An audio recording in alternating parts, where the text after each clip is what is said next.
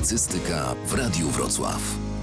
Co boli szpitale powiatowe? O tym będziemy rozmawiali w dzisiejszym radiowym oddziale ratunkowym. Dlaczego placówki działające w regionie nie zdecydowały się jeszcze na podpisanie umów z Narodowym Funduszem Zdrowia?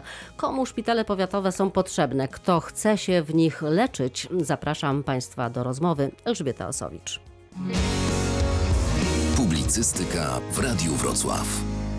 W radiowym oddziale ratunkowym jak zwykle goście. Joanna Mierzwińska, rzecznik Dolnośląskiego Oddziału NFZ-u. Dobry wieczór. Dobry wieczór. Zbigniew Hałat po raz pierwszy w naszym studiu, dyrektor medyczny Dolnośląskiego Oddziału NFZ. Witam. Witam serdecznie, nie po raz pierwszy osobiście, ale jako dyrektor owszem. Po raz pierwszy w radiowym oddziale ratunkowym. Zaczyna pan ratowanie społeczeństwa Dolnego Śląska razem z nami, z radiem. E, Maciej Biarcki, dyrektor szpitala powiatowego właśnie w Miliczu. Dobry wieczór. Dobry wieczór Państwu. I wiceprezes Stowarzyszenia Menedżerów Opieki Zdrowotnej, ja bym w skrócie powiedziała ekspert rynku zdrowia, Piotr Karniej z Uniwersytetu Medycznego we Wrocławiu. Dobry wieczór Państwu. Dobry wieczór. Zacznijmy od tego, dlaczego szpitale powiatowe nie mają umów, dlaczego nie zdecydowały się na ich e, podpisanie. Termin początkowo był do końca listopada, mamy prawie połowę grudnia i umów nie ma. Maciej Biarcki. Zgodnie z ustawą o świadczeniach zdrowotnych finansowanych z środków liczniczych rzeczywiście powinniśmy ustalić te warunki do dnia 30, do dnia 30 listopada. No niestety propozycje, które są naskładane przez fundusz są, jakby to powiedzieć, bardzo mało satysfakcjonujące. Trzeci rok z rzędu proponuje się nam kontrakt praktycznie w tej samej wysokości. Y, Koszty rosną.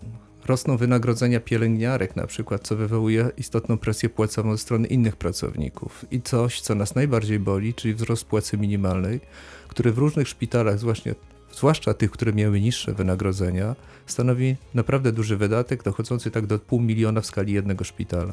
Pan mówi teraz o swoim szpitalu, ale nie jest pan sam, dlatego że szpitale się zrzeszyły. Szpitale są zrzeszone powiatowe na Dolnym Śląsku od 8 lat, jak dobrze liczę, y, w formie konsorcjum Dolnośląskich Szpitali Powiatowych. Od tego roku działa także Ogólnopolski Związek Pracodawców Szpitali Powiatowych, którym występujemy, no powiem, wspólnie. O Ile, ile, to jest szpitali? o ile tych umów nie podpisało na Dolnym Śląsku 21 szpitali, które należą do konsorcjum, to w skali Ogólnopolskiego Związku jest to ponad 100 szpitali, to są województwa oprócz naszego wielkopolskie, mazowieckie, małopolskie i lubelskie. Po ostatnim spotkaniu e, w waszym konsorcjum właśnie czytałam taki komunikat, w którym państwo napisali, że podpisanie umów na tym poziomie, który proponuje NFZ, groziłoby utratą płynności finansowej. Dokładnie tak. Dokładnie tak. No, przed chwilą powiedziałem, wzrosty kosztów wynikające chociażby z wzrostu płacy minimalnej przy zamrożeniu praktycznie kontraktu już trzeci rok z rzędu sprawiają, że po prostu nie mamy środków, żeby właściwie wykonywać swoje funkcje. I co dalej? Złożyliśmy funduszowi propozycję, bo tak to traktujemy, zwiększenia naszych kontraktów. Nie muszę ukrywać o wartość, jest to 10% wartości tego kontraktu. W sumie jest 20, to 20 kilka milionów złotych w skali całego Dolnego Śląska. No i oczekujemy na to, że gdzieś się z funduszem w naszych rozmowach spotkamy. Na razie te terminy są przesuwane. Po oświadczeniu Zarządu Ogólnopolskiego Związku, o którym pani redaktor mówiła, odbędzie się także spotkanie na poziomie ministra zdrowia. Liczymy na to, że oczekiwania szpitali powiatowych, nie mówię, że w 100%, chociaż bylibyśmy szczęśliwi, gdyby się dało z- zrealizować nasze oczekiwania w 100%, ale przynajmniej w jakimś stopniu zostaną spełnione, co pozwoli nam działać. Jeżeli pani redaktor pozwoli, tu są jeszcze nasi właściciele. Konwent Starostów Województwa Dolnośląskiego zna naszą sytuację i podjął specjalną uchwałę, gdzie jednogłośnie poparli nasze oczekiwania i tu się nie ma co dziwić, ponieważ tak naprawdę nasze straty oni będą musieli pokrywać.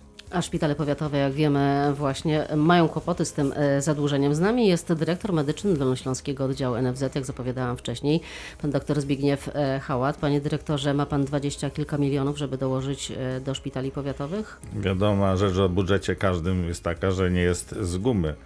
Jeśli coś, kol- cokolwiek zaskakuje w trakcie realizacji budżetu czy zaplanowanych wydatków, no to jest nie do pokonania ta bariera plan, planistyczna. E, przychylając się jak najbardziej do opinii pana dyrektora, że e, zapewnienie ciągłości świadczeń w powiatach, tam gdzie jest najbliżej pacjentowi do, do szpitala jest e, niezwykle ważne. Jest to, e, jest to nie, nie jakiś ukłon, tylko obowiązek państwa zadbać o tych, e, o tych najbardziej e, e, po- poszkodowanych, na przykład daleką odległością do, do centrów y, klinicznych, do szpitali wojewódzkich i tak dalej. Więc jak najbardziej przychylamy się do tej opinii, że y, y, sytuacja w szpitalach powiatowych jest niezwykle trudna z uwagi na to, że właśnie w tych szpitalach jest duża część załogi personelu medycznego mieszcząca się w, w, tych y, y, granicach płacowych, które wymagają podniesienia z uwagi na no, czynienie pewnej sprawiedliwości przez rząd PiSu, a więc podnoszenie tej płacy minimalnej. Kto Panie ma za to zapłacić? za Kto chwilę- ma zapła- zapłacić? No niestety nie możemy płacić z innych y, paragrafów niż te, które są y, przewidziane. No, nie, nie, nie, zostaliśmy też zaskoczeni i oczekujemy na rozwiązanie w centrali. Ale skąd to obszarze. zaskoczenie? Bo tak właśnie jak obserwuję rynek medyczny i co roku negocjacje, tak końcówka roku, to co roku od kilku lat słyszę właśnie to, co też, też powiedział pan dyrektor, że te Ale tytuł dzisiejszy jest po- inny niż poprzednio, prawda, panie dyrektorze? Nie było płacy, płacy minimalnej poprzednio. W zeszłym roku ta płaca minimalna wzrosła z 1680 na 1780 na 1850. Był to mniejszy skok i jakoś Mniejszy daliśmy sobie radę. Ale my żeśmy tak naprawdę już, panie dyrektorze, pani redaktor, wyczerp... Szanowni Państwo, wyczerpaliśmy wszystkie rezerwy.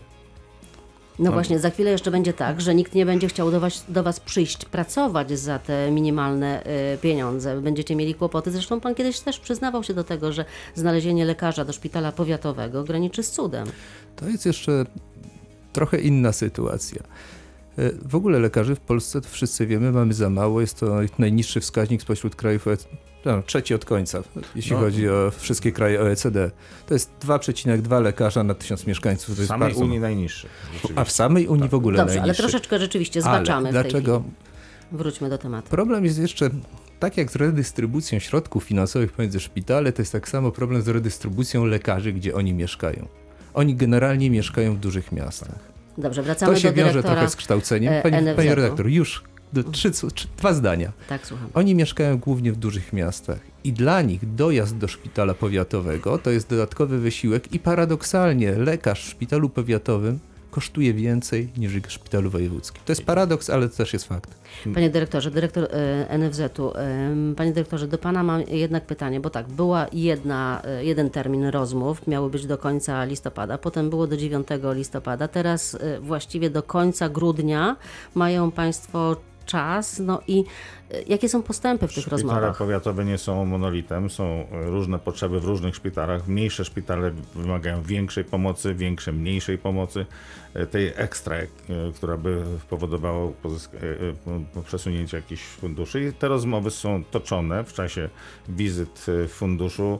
Dyrektorzy szpitali otrzymują, otrzymują propozycje. No niestety jak dotychczas odrzucają je. Dzisiejsza narada w tej sprawie zakończyła się przekonaniem, że jeżeli będziemy w jakimkolwiek stopniu mogli e, uzupełnić e, te braki budżetowe szpitali, to zaczniemy zapewne od najmniejszych. Od najmniejszych, tam gdzie, gdzie ta sytuacja jest jeszcze bardziej e, no, wołająca o, o, o pomoc, o, o zareagowanie chociażby niewielką kwotą, ale wystarczającą, żeby ten szpital zachował ciągłość do, do tych lepszych, panie dyrektorze, czasów, to znaczy tych, po których centrala wynegocjuje w ministerstwie jakieś dodatkowe fundusze, o ile to nastąpi. Do kiedy Państwo mogą tak się spotykać i rozmawiać i negocjować? Bo e, czy może być tak, to co najważniejsze dla pacjentów, e, czy może być tak, że któregoś dnia szpitale powiatowe, tak jak kiedyś przychodnie lekarzy rodzinnych, po prostu zostaną zamknięte? Proszę się nie obawiać, żaden szpital nie zostanie zamknięty. Jesteśmy związani z umową z funduszem do 30 czerwca 2017 roku, to po pierwsze. Czyli do czerwca możecie tak rozmawiać i... Nie, niestety tak dobrze nie jest. Natomiast mamy ustalone warunki finansowania do końca grudnia. Czyli tak naprawdę, jeżeli do końca grudnia nie ustalimy warunków finansowania, to już w pierwszych dniach stycznia nie będzie wiadomo właściwie za co my pracujemy. Do końca grudnia sytuacja, powiedziałem, jest czysta. Jeżeli zażartuję sobie od razu, mówię, utrzymamy wszyscy nerwy na wodzy i będziemy szukać kompromisu, to tutaj żadnego zagrożenia nie ma. Natomiast będzie problem potem z rozliczaniem, ewentualnie nawet ustaleniem limitów naszego rozliczania w styczniu, Natomiast nie ma żadnej groźby i tutaj jako przedstawiciel konsorcjum y, szpitali powiatowych na Dolnym Śląsku mogę powiedzieć pacjentom potencjalnym, żeby się nie obawiali, bo drzwi u nas będą otwarte. I to jest bardzo piękne. To są gry planszowe, pani redaktor, wszystko. Jeżeli zapewnimy e, ciągłość świadczeń, jeżeli pacjent, który jest w potrzebie, nie znajdzie zamkniętych drzwi, no to oczywiście o to chodzi.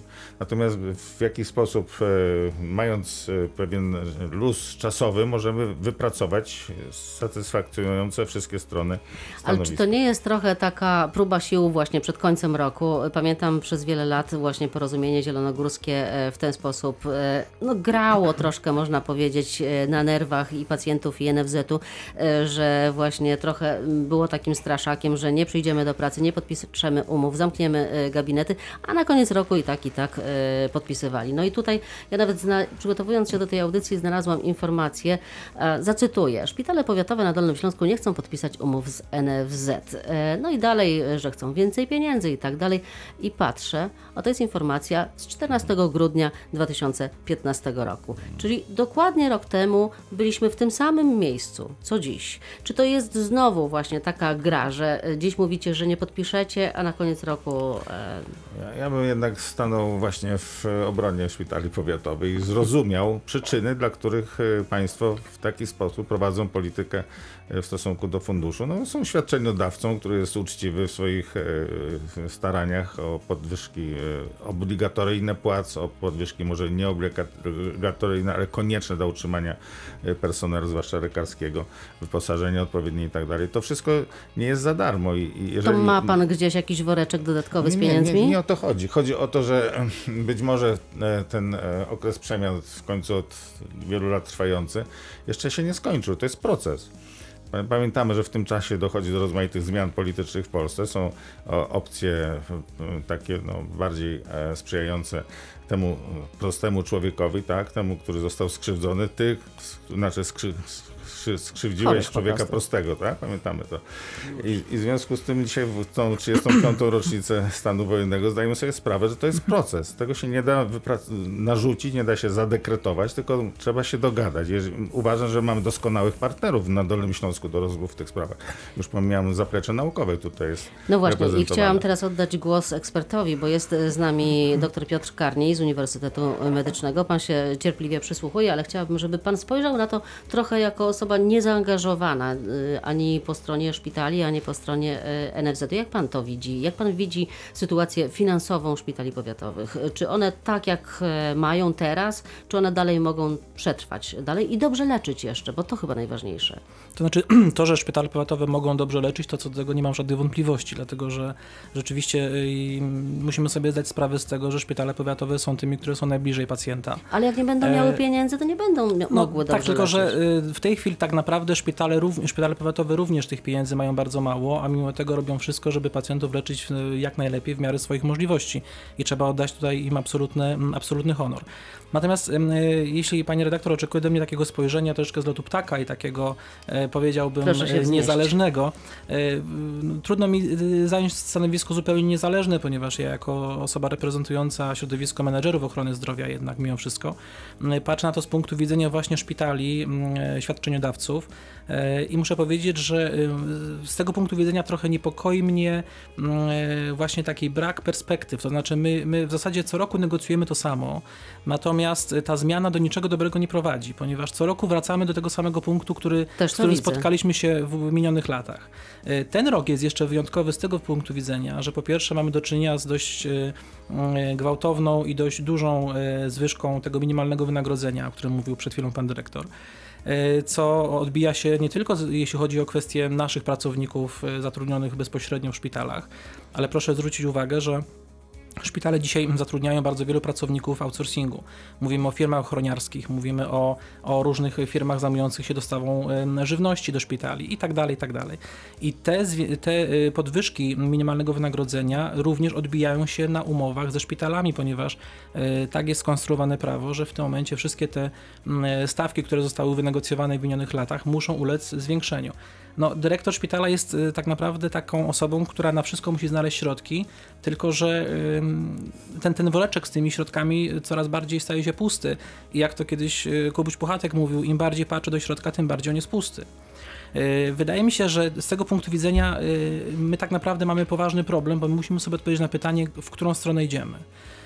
Nie do końca jestem zdania, które pan dyrektor NFZ-u przekazał, że prowadzimy reformę. Ja mam takie wrażenie, że akurat tym razem to się trochę cofamy ponieważ myśmy znaczy, już... mówi pan teraz o sieci szpitali? Znaczy nie, mówię, mówię o systemie finansowania. Mówię o tym, że tak na dobrą sprawę my nie, my nie, nie projektujemy tego systemu finansowego e, w sposób ewolucyjny, tylko trochę, trochę właśnie taki, taki cofający się do tego, co już pamiętamy z minionych lat. I to jest niepokojące z punktu widzenia również trochę, e, trochę naszego środowiska.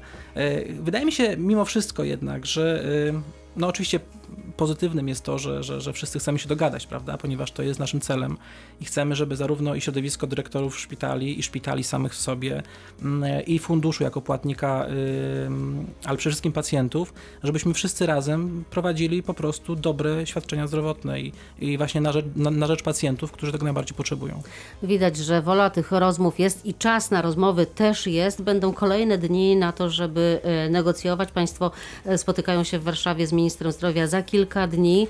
Być może tam zapadną jakieś e, decyzje. Znaczy, rozmowy pani redaktor są dość trudne z jednego powodu. My ciągle mamy stawiane takie bramki, kiedy mamy te rozmowy zakończyć, i te bramki zawsze są za kilka dni, co powoduje, że rozmawiamy trochę nerwowo, bo narzucamy sobie presję czasu. Gdybyśmy sobie ustawili tą bramkę, jak się zdarzyło w województwie małopolskim na 31 grudnia, to byśmy negocjowali trochę bardziej spokojnie. Spotkanie z panem ministrem Radziwiłłem ma się odbyć w czwartek, ale nam termin negocjacji na Dolnym Śląsku mija w piątek. I co będzie, jak się nie porozumiemy? Znowu będziemy przesuwać ten termin? Myślę, że ten element nie jest e, najkorzystniejszy dla spokoju tych negocjacji. Natomiast te negocjacje też nie mogą trwać w nieskończoność. Tak jak powiedziałem, w styczniu nie będzie wiadomo, jak nam zapłacić.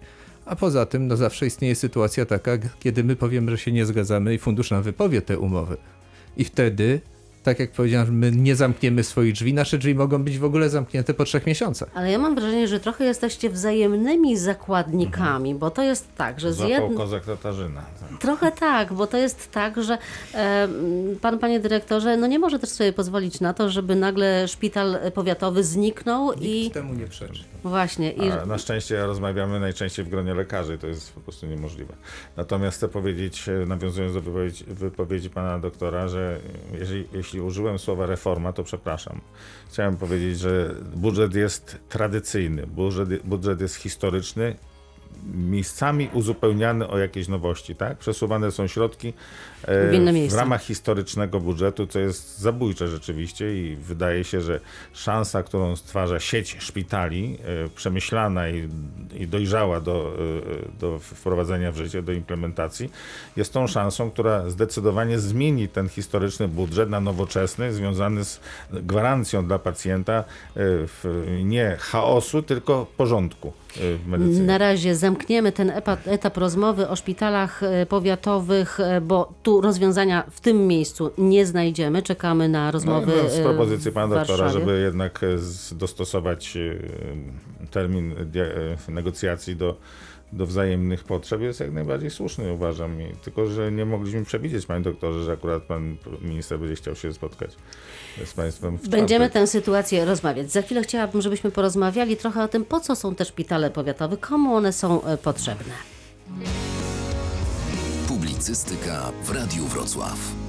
No właśnie, bitwa toczy się o szpitale powiatowe i teraz e, czy ludzie chcą się w nich e, leczyć? Ja znalazłam takie badania TNS OBOP, że 76% ankietowanych mieszkańców małych miast województwa dolnośląskiego pozytywnie ocenia te e, szpitale powiatowe, 77% mówi, że dają one możliwość uzyskania szybkiej pomocy, 69% ma poczucie bezpieczeństwa, czyli to są bardzo dobre opinie, ale jak rozmawiam ze swoimi znajomymi, to wszyscy mówią, że woleliby jednak leczyć się w klinice. A skąd są? Z dużego miasta, czy z dalekich od Z różnych miejsc. Nie, niekoniecznie. No, nie, to nie chodzi o snobizm, tylko chodzi o przekonanie co do wyższego poziomu referencyjności, ale kiedy będziemy mieli sieć szpitali, szpitali to będzie wiadomo, że te poziomy referencyjne są odpowiednio wyposażone i każdy nawet w niektórych małych ośrodkach może stworzyć sobie warunki do poziomu referencyjności odpowiedniego e, ta, takiego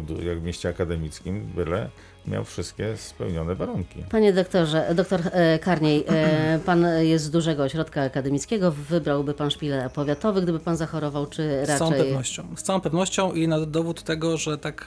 e, Zamiast kliniki? Że tak jest. e, Rzeczywiście e, dwa lata Skąd temu... pan jest, panie doktorze? E, No akurat mieszkałem przez wiele lat e, 70 km od Wrocławia w, w Kępnie, w mieście powiatowym i tak się złożyło, że akurat nie tak dawno byłem operowany, miałem e, przepuklinę i właśnie w Kępnie e, miałem tą przepuklinę operowaną. Jestem absolutnie zadowolony z jakości, ze sposobu e, postępowania. Ale wracając do, do, do jakby tego ogólnego spojrzenia na problem, y, chcę powiedzieć w ten sposób. Polska w zasadzie jest Polską powiatową. My tak naprawdę nie możemy zapominać o tym, że większość naszego społeczeństwa mieszka właśnie poza dużymi miastami. W związku z tym y, nie możemy, nie możemy mm, stawiać alternatywy tym ludziom, y, szpital kliniczny czy szpital powiatowy, dlatego że gdybyśmy taką alternatywę postawili, no to szpitale kliniczne nie miałyby możliwości przyjąć tych pacjentów z, z czysto fizycznych y, No, powodów. ale też nie powinno być tak, że proste przypadki No trafiają do klinik, gdzie są najwyższe... No tutaj mamy, tu, ma, tu mamy dyskusję, ponieważ, ponieważ z jednej strony prawdą jest, że rzeczywiście y, wyższy poziom referencyjny oznaczać powinien wyższy poziom mm, Skomplikowania. skomplikowania przypadku, ale z drugiej strony y, szpitale kliniczne służą również dydaktyce, y, służą również nauce lekarzy, pielęgniarek, w związku z Czyli tym muszą być też te w proste związku z tym te przypadki też tam się muszą zdarzać. Co więcej, dla, ym, dla Wrocławia, dla takich miast jak, jak, jak, jak Wrocław właśnie, to właśnie szpitale kliniczne, czy szpitale wojewódzkie, szpitale trzeciego stopnia referencyjnego, używając tej starej nomenklatury, mm, są po prostu szpitalami pierwszego rzutu, w związku z tym powiatowymi. A więc trudno powiedzieć w tym momencie pacjentowi z Wrocławia, który nagle w nocy będzie miał bardzo błahą z medycznego punktu widzenia przypadłość, e, szukaj szpitala każdego, byle nie szpital kliniczny na przykład, prawda? Więc, więc to, jest, to, jest, to jest poważny problem, ale chcę powiedzieć o czymś jeszcze. Mianowicie e, szpitale, szpitale powiatowe e, dlatego cieszą się em, wśród pacjentów, e, co wynika z badań, e, zaufaniem, że są to szpitale e, relatywnie mniejsze niż szpitale wojewódzkie. Tym samym też poziom anonimowości tych pacjentów jest dużo mniejszy. To są ludzie, którzy najczęściej korzystają z opieki lekarzy, pielęgniarek, salowych, których znają. W związku z tym tu jest też trochę inny poziom jakby relacji między tymi, tymi, tymi pacjentami a, a No szpitalem. jako dobrze, ale żeby też te szpitale były dobrze wyposażone, żeby mia- miały dobrze opłaconych e, lekarzy, no to znowu wracamy do tych pieniędzy. Wracamy do finansowania, jeżeli teraz się wtrącę. Bardzo dziękuję panu dyrektorowi za to odpowiedź o szpitalach powiatowych, a do pana doktora powiem, że w zasadzie nie miałbym co dodać, bo się podpisuje pod wszystkim. Znaczy dodać zawsze się da coś, ale pod wszystkimi tezami się podpisuje. Pani redaktor na początku podała te wyniki badania TNSO, bo ja nie będę nawet z nimi polemizował, one brzmią dobrze, Bardzo ale dobrze. przede wszystkim brzmią zaskakująco dobrze na temat ogólnej oceny Polaków na temat systemu opieki zdrowotnej. To ten rozjazd pomiędzy ogólną oceną systemu a oceną tych bliskich, tych bliskich szpitali jest olbrzymi.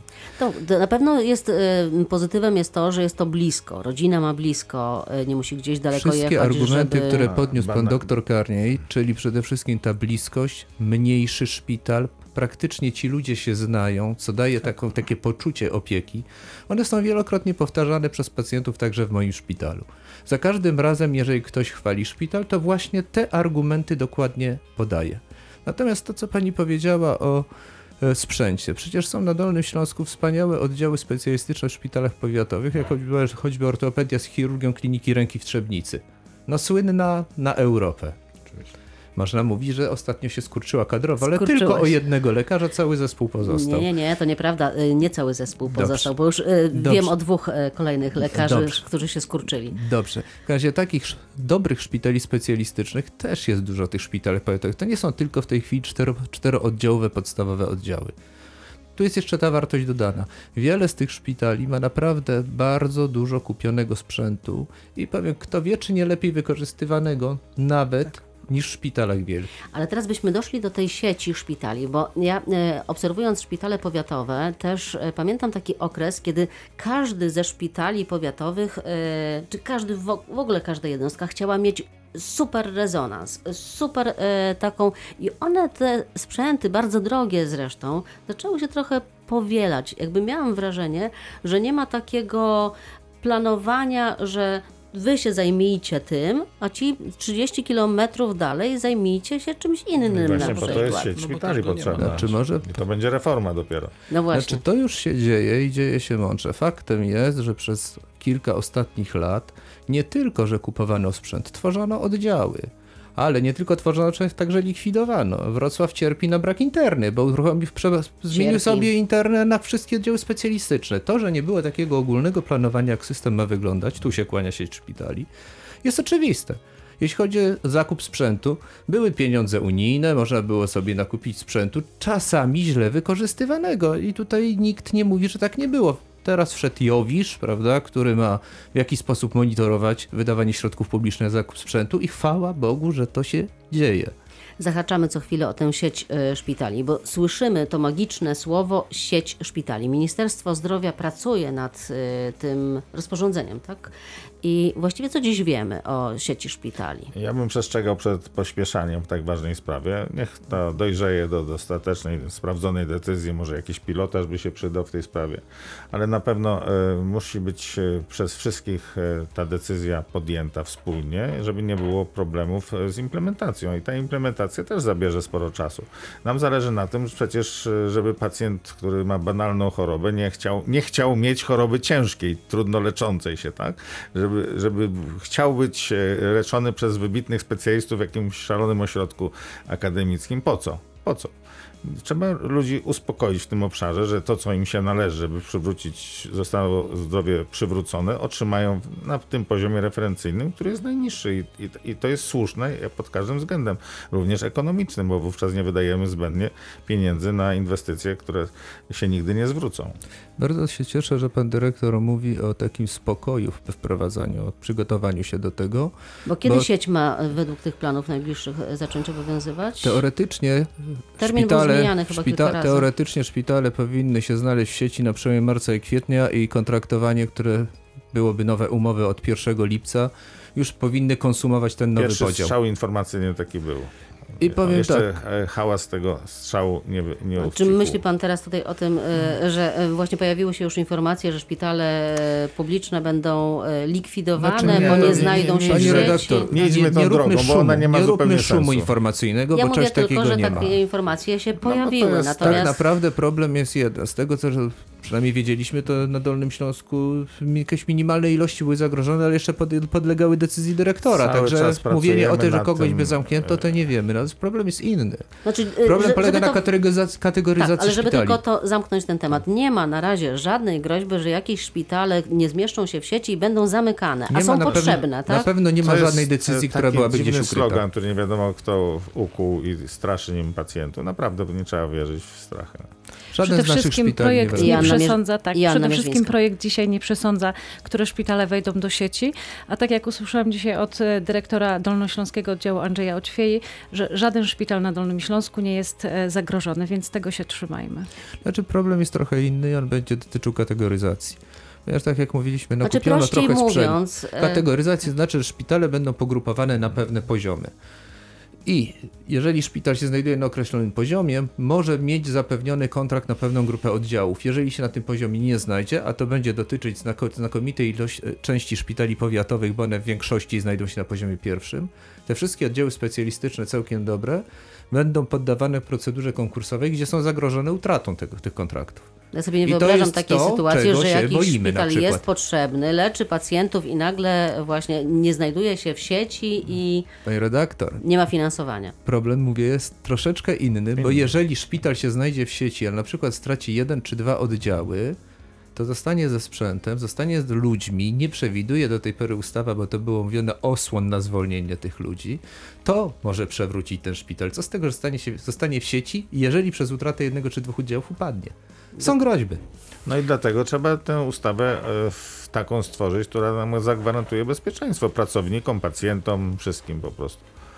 Ja myślę, proszę Państwa, że y, trudno, trudno w tej chwili dyskutować na temat czegoś, czego, y, czego nie widzimy na stole, bo prawdą jest faktycznie, że przepisy, o których rozmawiamy, y, są w dyskusji, wielokrotnie już były zmieniane i w zasadzie nawet i mm, nazwy oddziałów, które decydowały o tym, który szpital do której kategorii miałby się wpisać, to one również ulegają ciągle zmianie. W związku z tym nie jesteśmy w stanie dziś jednoznacznie powiedzieć, co tak naprawdę się stanie. Ja y, w zasadzie y, obserwując y, tą całą dyskusję chcę powiedzieć, nie tylko tą dzisiejszą, ale w ogóle tą, która toczy się na temat sieci szpitali, chcę powiedzieć, że ja się nie obawiałbym likwidacji szpitali. Tu absolutnie y, uważam, że, że deklaracje pana dyrektora y, mm, są absolutnie y, no, wiarygodne. Żaden szpital na Dolnym Śląsku zlikwidowany nie zostanie. Natomiast również to, o czym powiedział pan dyrektor Biarcki, y, jest niewątpliwie prawdą, to znaczy nie zostaną zlikwidowane, ale zakresy świadczeń, które dzisiaj realizują jako szpitale, jako oddziały specjalistyczne już nie będą mogły być realizowane w tym trybie. To znaczy, że będą mogły oczywiście być robione, jeśli będą realizowane na przykład w oddziałach internistycznych, y, czy też w oddziałach gorzej finansowanych, a tym samym albo w ogóle będą musiały być wy, z tego szpitala wyeliminowane, co spowoduje pogorszenie sytuacji finansowej i również zagrożenie zatrudnienia pracowników. Bo bywają Także z tym, takie... się, y, z tym się niestety musimy liczyć i to niestety może stanowić pewien problem organizacyjny i finansowy. Bywają takie sytuacje, że jest porodówka, na której rodzi się dziesięcioro dzieci w ciągu miesiąca. Dobrze. Dwudzieś- Dwadzieścioro. Zdaje się, że najmniej jest 180. To pani Jasia nie potwierdzi. Tak, takie są. No, e, to przy takiej ale to- ilości liczbie to chyba żadne To nie powinna taka. 500 Nie utrzymał. To się nie. Nie powinna taka porodówka istnieć, ale z drugiej strony przecież widać, wszyscy to widzą, że dramatycznie brakuje miejsc dla osób starszych, dla Tak, osób oczywiście, przewlekle chorych, tak. więc być może niektóre z tych jednostek powinny zmienić e, swoje... Wykorzystać Jak sytuację. najbardziej. Są, Ależ oczywiście. W tym tylko- kierunku są liczne kroki podjęte i nasza współpraca z osobami, które prowadzą hospicja, również domowe i takie domy dziennej opieki są, jest naj, naj, najbardziej ścisła. Od- Wychodzimy naprzeciw potrzebom zdrowotnym, no bo po to jesteśmy. No ja od lat Tylko słyszę musi właśnie... to być pewien proces ewolucyjny. I- I, to jest ta jedna rzecz. zaplanowany, Boimy tak. się, żeby ta zmiana nie nastąpiła w sposób nagły, bo możemy sobie zrobić więcej krzywdy, zanim uzyskamy pożytek. Ja od lat słyszę o takich sytuacjach, gdzie w szpitalach, nawet właśnie klinicznych, gdzie doba, że tak powiem, jest bardzo e, droga, leżą osoby, które nie musiałyby już leżeć w tych e, klinikach, w tym szpitalu, ale po prostu nie ma ich gdzie wypisać, nie ma ich gdzie No przekazać. tak, ale to jest, Cały- pro, to jest problem o charakterze społecznym tak naprawdę, w związku z tym No, ale trudno... też to jest problem czysto medyczny nieraz. Na przykład y, pacjent wypisany z POHZ y, z, y, ze szpitala chorób płuc może trafić bezpośrednio do opieki hospicyjnej, też domowej, tam wyposażony w odpowiedni respirator, daje sobie radę i kontynuacja leczenia następuje gładko, można powiedzieć. Tak? Jeżeli jest wypisany i nie objęty natychmiast opieką, no to on traci te wszystkie y, y, walory wyzdrowienia i znowu staje się za jakiś czas krótki pacjentem. Więc ta ciągłość opieki jest niezwykle ważna. Nie tylko, y, nie tylko opieka nad ludźmi nie- niepełnosprawnymi czy dotkniętymi nie- niedołęstwem związanym z wiekiem, ale przecież też czysto medyczny aspekt y, ciągłości opieki. Wydaje mi się, że szp- sieć szpitali, która będzie siecią dojrzałą i wyposażoną potem w te wszystkie świadczenia domowe czy, czy, czy pozaszpitalne, zapoczątkuje tą prawdziwą, panie doktorze, reformę. No, wierzmy w to. No ja, ja, ja w to bardzo wierzę, ale tutaj tych Ale problemów panowie jest już trochę znacznie dłużej więcej. Ale pracują w e, ochronie zdrowia niż ja i nie macie wrażenia, że to jakoś tak e, e, długo trwa po prostu. Znaczy ja mogę powiedzieć, że ten kierunek, który teraz jest przyjęty przez ekipę ministra Radziwiłła, ja uważam za słuszny. To, to się troszeczkę różni chyba z panem doktorem, ale ja go akurat uważam za słuszny. Tylko jemu brakuje przynajmniej trzech rzeczy. Pierwsze, ten brak ludzi, o którym wielekroć powtarzamy, bo nie to są tylko, nie tylko lekarze, ale, ale i pielęgniarki, Tak, których dokładnie. mamy za mało. Brak zasobów finansowych, bo przy- skoro mamy najmniejsze nakłady, my za to coś musimy sfinansować. Mając ten cienki worek finansowy, my musimy rozdzielić to jakieś na świadczenia. Jestem tutaj przedstawicielem szpitali powiatowych, które chcą więcej dostać na szpitale powiatowe, ale oddział dolnośląski, jak i cała Polska wydaje na leczenie szpitalne 50% swoich, swojego budżetu. Natomiast na leczenie długoterminowe, na leczenie rehabilitacyjne, na te zole, o których mówił pan dyrektor, są tak małe środki przeznaczone, że kontraktuje się tego bardzo mało. Leczymy drożej zamiast leczyć taniej, czy jeszcze olbrzymie odmiany organizacyjne przed nami. No tak, ale potem też jakby marnotrawi się efekty tych e, operacji, bo na przykład ktoś jest zoperowany, ma już nowy, e, No właśnie. no, nową endoprotezę powiedzmy i on nie jest rehabilitowany, no i to efekt tego To, to leczenia jest ta druga, y, druga część sprawy, już po zabiegu, ale teraz mamy y, osoby oczekujące w dramatycznie długich kolejkach. To, to Ja jest to zgadywane. I to, o czym mówimy, y, co pan dyrektor wspomniał przed chwilą, że jest to wieloczynnikowy y, problem, to jest oczywiste, a mierzony jest wysokością budżetu Narodowego Funduszu Zdrowia. Wysokością ogromną, nie, nie, nieporównywalną z żadną inną s- y, państwową działalnością. A ja bym Jeszcze- jednak przypomniała też, dwa tygodnie temu e, pojawiła się informacja Najwyższej Izby Kontroli,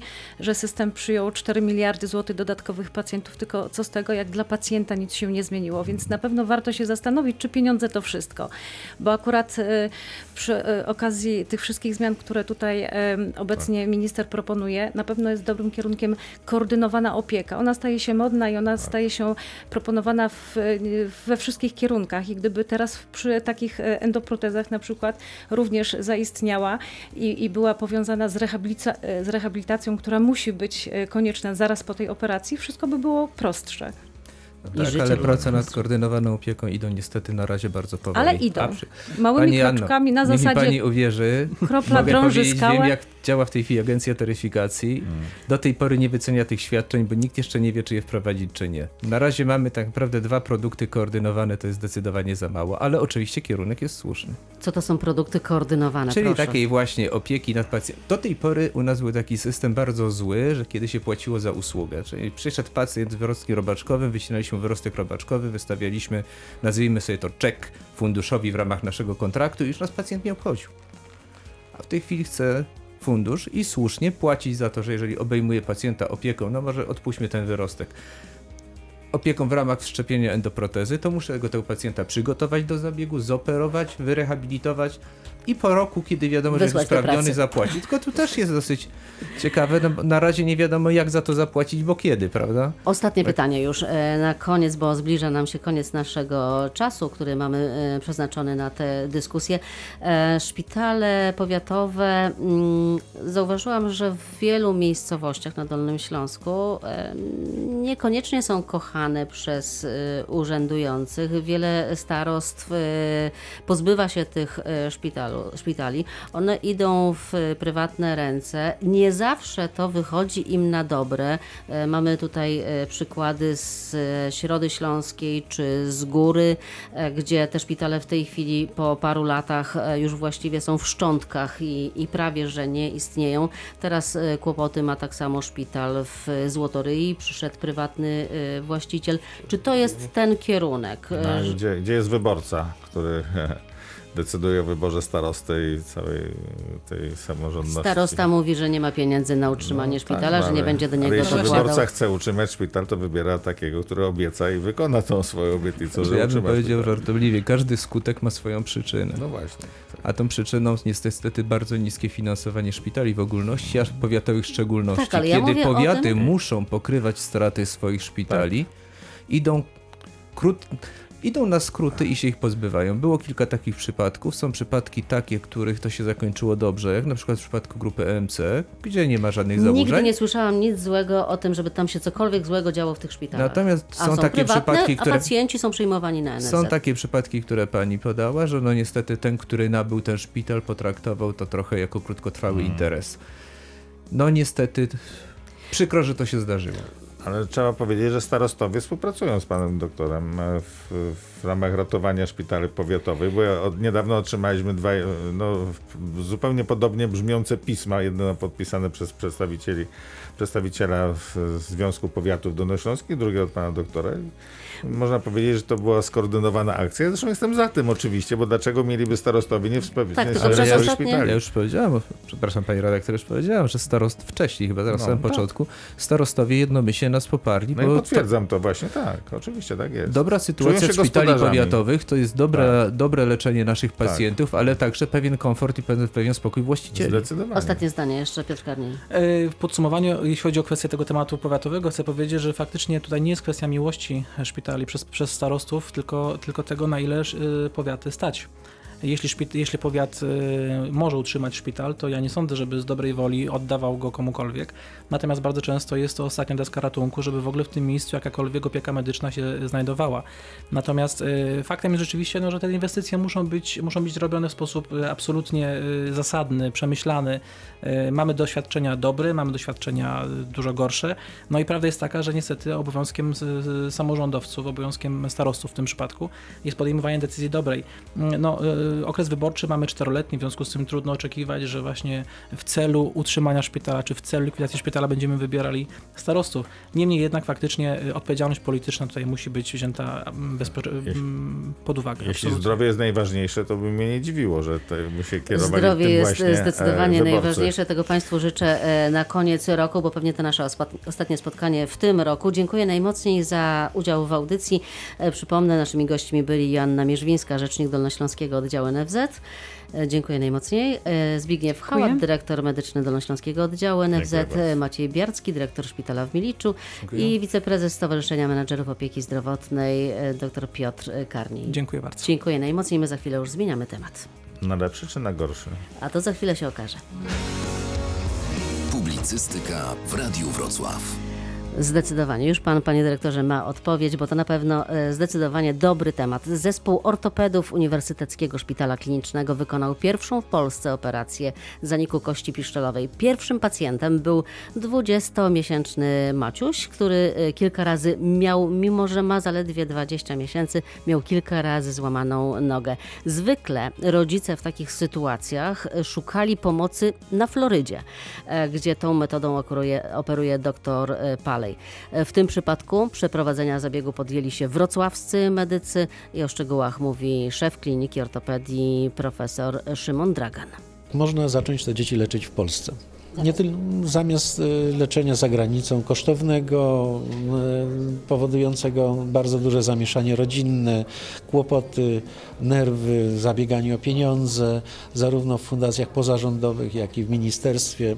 No to jest droga przez mękę dla rodziców, a dziecko, które powinno być natychmiast operowane czy natychmiast leczone, musi czekać czasami miesiącami, latami na uzyskanie tych funduszy.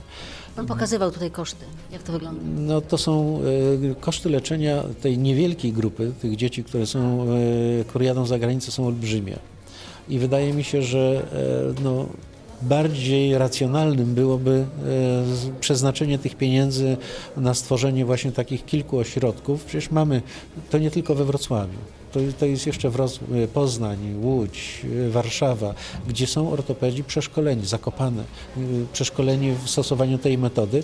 Trzeba tylko co jakiś czas jeździć, pomóc im, żeby, żeby mogli wyjeżdżać. Nie każdego stać na to, żeby wyjechać, albo ma możliwości sfinansowania z jakiegoś programu, żeby wyjechać za granicę na miesiąc, dwa i, i się szkolić. Na przykład u doktora Pejleja. Te zabiegi u pana doktora Pejleja, ile one kosztowały? No zwykle około miliona albo do półtora miliona, bo to są etapy leczenia. Taki bardzo prosty e, zabieg operacyjny to jest rząd 50-60 tysięcy dolarów e, za samo leczenie. A nagle jeszcze okazuje się, że były dodatkowe powikłania, wymagane było jeszcze więcej jakiegoś e, dołożenia jakiegoś zabiegu i znowu jest następne 30-40 tysięcy dolarów, czyli nagle to urasta do 400 tysięcy. Jeżeli takie dziecko ma wyjechać e, 3-4 razy, no to się okazuje, że to jest milion albo, albo i więcej. A wy tutaj za ile możecie to zrobić? Jakie są wasze koszty? E, To zależy od tego, jakie implanty używamy. E, Są nowoczesne, nowoczesne e, urządzenia, które, których akurat w jednym przypadku my tutaj nie mamy, ale one są, e, wykraczają trochę poza koszty tej zwykłej procedury. Ale ja bym powiedział, jeżeli mamy zastosować jakieś leczenie z użyciem metody Ilizarowa, i nie musimy e, użyć jakichś szczególnych implantów, to te koszty, które w tej chwili są nam zwracane, wystarczają na to, żeby zastosować i aparat, i żeby to dziecko było leczone. No około średnio 9 do 12 tysięcy złotych. Natomiast e, są również e, specjalne takie aparaty, bardzo nowoczesne, sterowane zewnętrznie. One są drogie, wielokrotnego użytku, no ale to już jest jak gdyby zakup, mm, zakup e, dodatkowy. Jak to możliwe, że zrobiliście to po raz pierwszy tutaj? Możliwe? Mm, To nie ja, to, to ci młodzi, młodzi lekarze, którzy zajmują się. Zresztą to jest tradycja, bo doktora Morasiewicza tato zaczynał razem, uczył się z Pejlejem tej metody. Był za granicą przez kilka tygodni, tam obserwował e, u Pejleja, sfinansowany jego wyjazd był z funduszy naszych tutaj e, klinicznych. No i teraz przyjechał i ma szansę to, co, to, czego się nauczyć, wdrażać tutaj w Polsce. Także to nie jest żadna filozofia, To dziecko, które zostało wytypowane. Dlaczego akurat to właśnie? bo akurat było. To, to nie jest tak, że my wybieramy. Te, które, te dzieci, które przyjeżdżają, po kolei my je leczymy. Mieliśmy do tej pory ograniczenia finansowe związane z kontraktem i tego nie ukrywam, bo to jest e, bardzo duży, duże ograniczenie, ale w tej chwili e, no akurat e, też dzięki Państwa pomocy udało się przekonać Narodowy Fundusz Zdrowia, żebyśmy więcej tych pieniędzy troszeczkę dostawali. A jeżeli w Ministerstwie Zdrowia, rozumiejąc te wszystkie kłopoty związane z wprowadzaną reformą, chociaż troszkę uwagi by zwrócono na te dzieci z wadami wrodzonymi i pomyślano o takim programie pomocy i programie leczenia tych dzieci, no to myślę, że to byłby olbrzymi sukces. Ten pierwszy pacjent, ten mały chłopiec, w jakim stanie on trafił do Was? Ten chłopiec był kilkakrotnie leczony. To jest bardzo skomplikowana wada wrodzona, w, wyni- w- w wyniku której kość się nie zrasta. Po prostu tworzy się przerwa i jest, nie może chodzić. Był kilkakrotnie konsultowany w e, niektórych ośrodkach. E, Do nas trafił, e, no jak gdyby już w ostateczności, prawda? Często te dzieci do mnie trafiają i rodzice proszą o skierowanie na leczenie za granicą. Ja jej powiedziałem, że przecież wcale nie trzeba za granicą, można to zrobić w Polsce. Doktor Morasiewicz przyjechał, stwierdził, że potrafi i e, powtórzy tę metodę e, doktora Pejleja, no i zastosował ją. Ten mały chłopiec już miał kilka razy ła- złamaną tę, tę nogę. Tak, bo to, to jest taka wada, gdzie ta kość się zrasta i nadłamuje. To można powiedzieć, że na skutek jakiegoś defektu genetycznego kość, która rośnie na długość i na szerokość e, z warstw, gdzie jest e, podokostną i śródkostnie, e, następuje uszkodzenie tego mechanizmu i ta kość zanika w pewnym momencie i się nie wytwarza. Operował dr Piotr Morasiewicz, wobec tego oddajmy jeszcze jemu głos. Od urodzenia miało problem z kończynami dolnymi, kilka razy miało złamanie podłudzi. Dłuższy czas było utrzymane w opatrunkach gipsowych.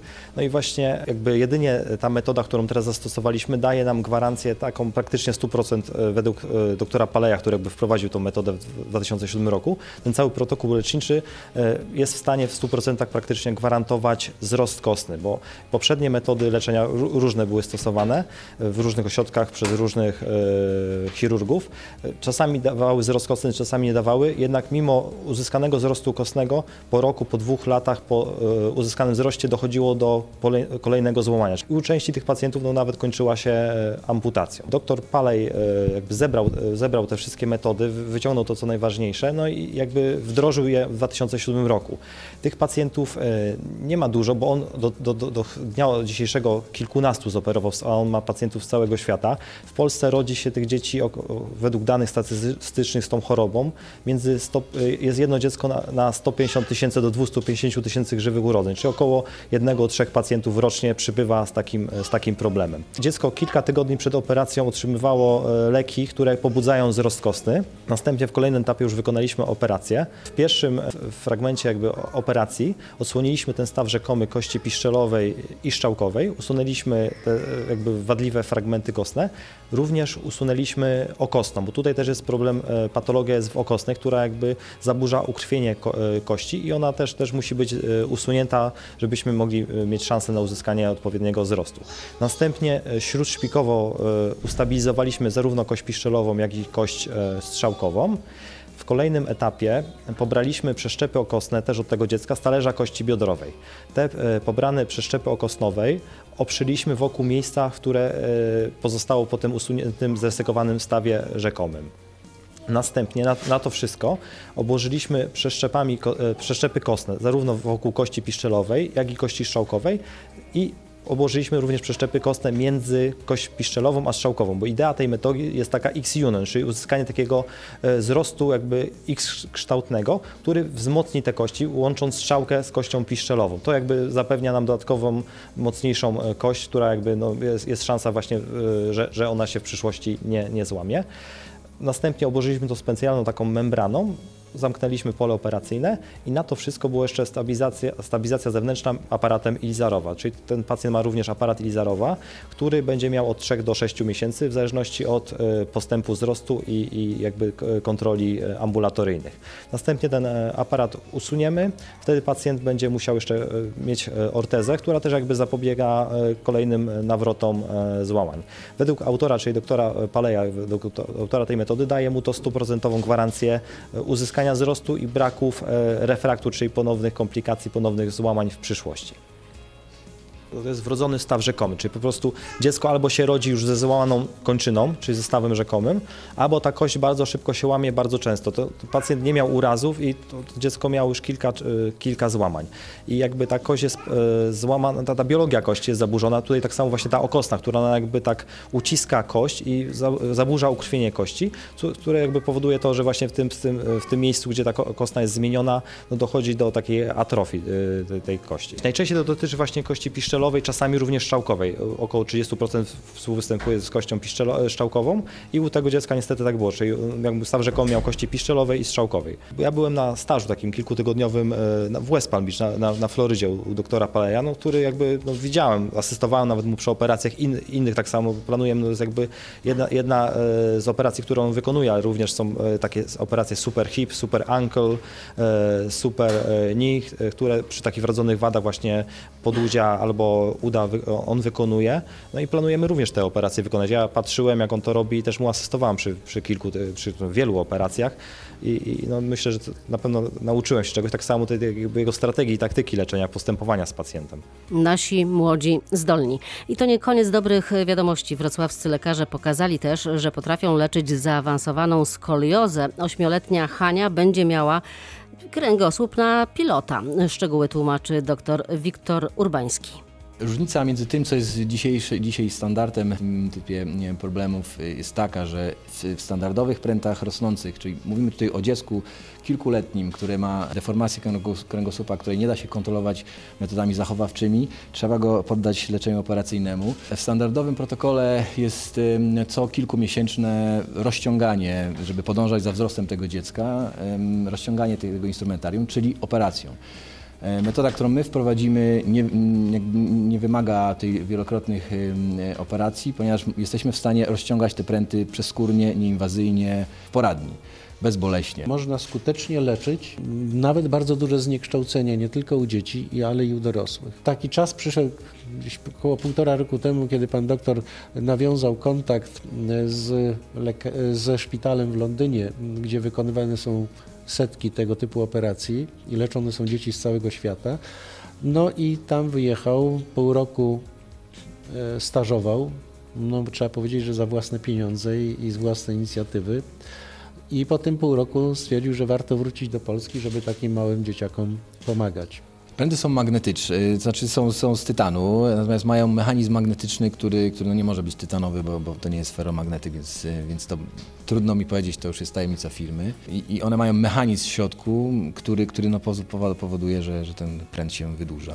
Nie ma, nie ma jasnej instrukcji, jak to, jak to wygląda, ponieważ firma tego nie chce. Ja pytałem wielokrotnie y, przy operacji w tego wszczepienia dochodzi do częściowej korekcji. Częściowej, mówię tutaj zwykle powyżej 50% s- s- skrzywienia rezydualnego, czyli gdzieś z 60 stopni, tak przykładowo na 30. Następnie wydłużając regularnie te pręty, w zależności od potencjału wzrostowego dziecka, czyli dziecko rośnie wolno, to my sobie je stosunkowo wolno e, wydłużamy co 3 miesiące, co 4 miesiące. Dziecko rośnie szybciej, to odpowiednio szybciej. Więc tym wydłużeniem jakby osiągamy dwa cele. Przede wszystkim podążamy za wzrostem tego dziecka i pozwalamy mu rosnąć, mimo tego, że ten kręgosłup jest stabilny, nieruchomy. A dwa, że kontrolujemy skrzywienie, czy ono się z tych 30 stopni po operacji nie zwiększa, a nawet jeszcze koryguje powolutku, powolutku. Laserowie robi się to tymi śrubkami, a tutaj w tym przypadku? z y, no, no, tym mechanizmem magnetycznym. Czyli też jest tam śrubka gdzieś wewnątrz, która się rozciąga pręty. Czyli z pręta, który wszczepiamy zale- z- powiedzmy długości wiem, 100, y, 15-20 centymetrów, z czasem robi się 30. To jest jakiś pilot z zewnątrz? Tak, jest to taka maszyna w wielkości nie wiem, pudełka y, czy butelki y, wody mineralnej, y, który się przystawia do pleców i, no i rozciąga ten mechanizm. Takie cuda w Szpitalu Naborowskiej we Wrocławiu. W radiowym oddziale ratunkowym na dziś to już wszystko. Elżbieta Osowicz, dziękuję za uwagę. Do usłyszenia. Radio Wrocław. Energia regionu.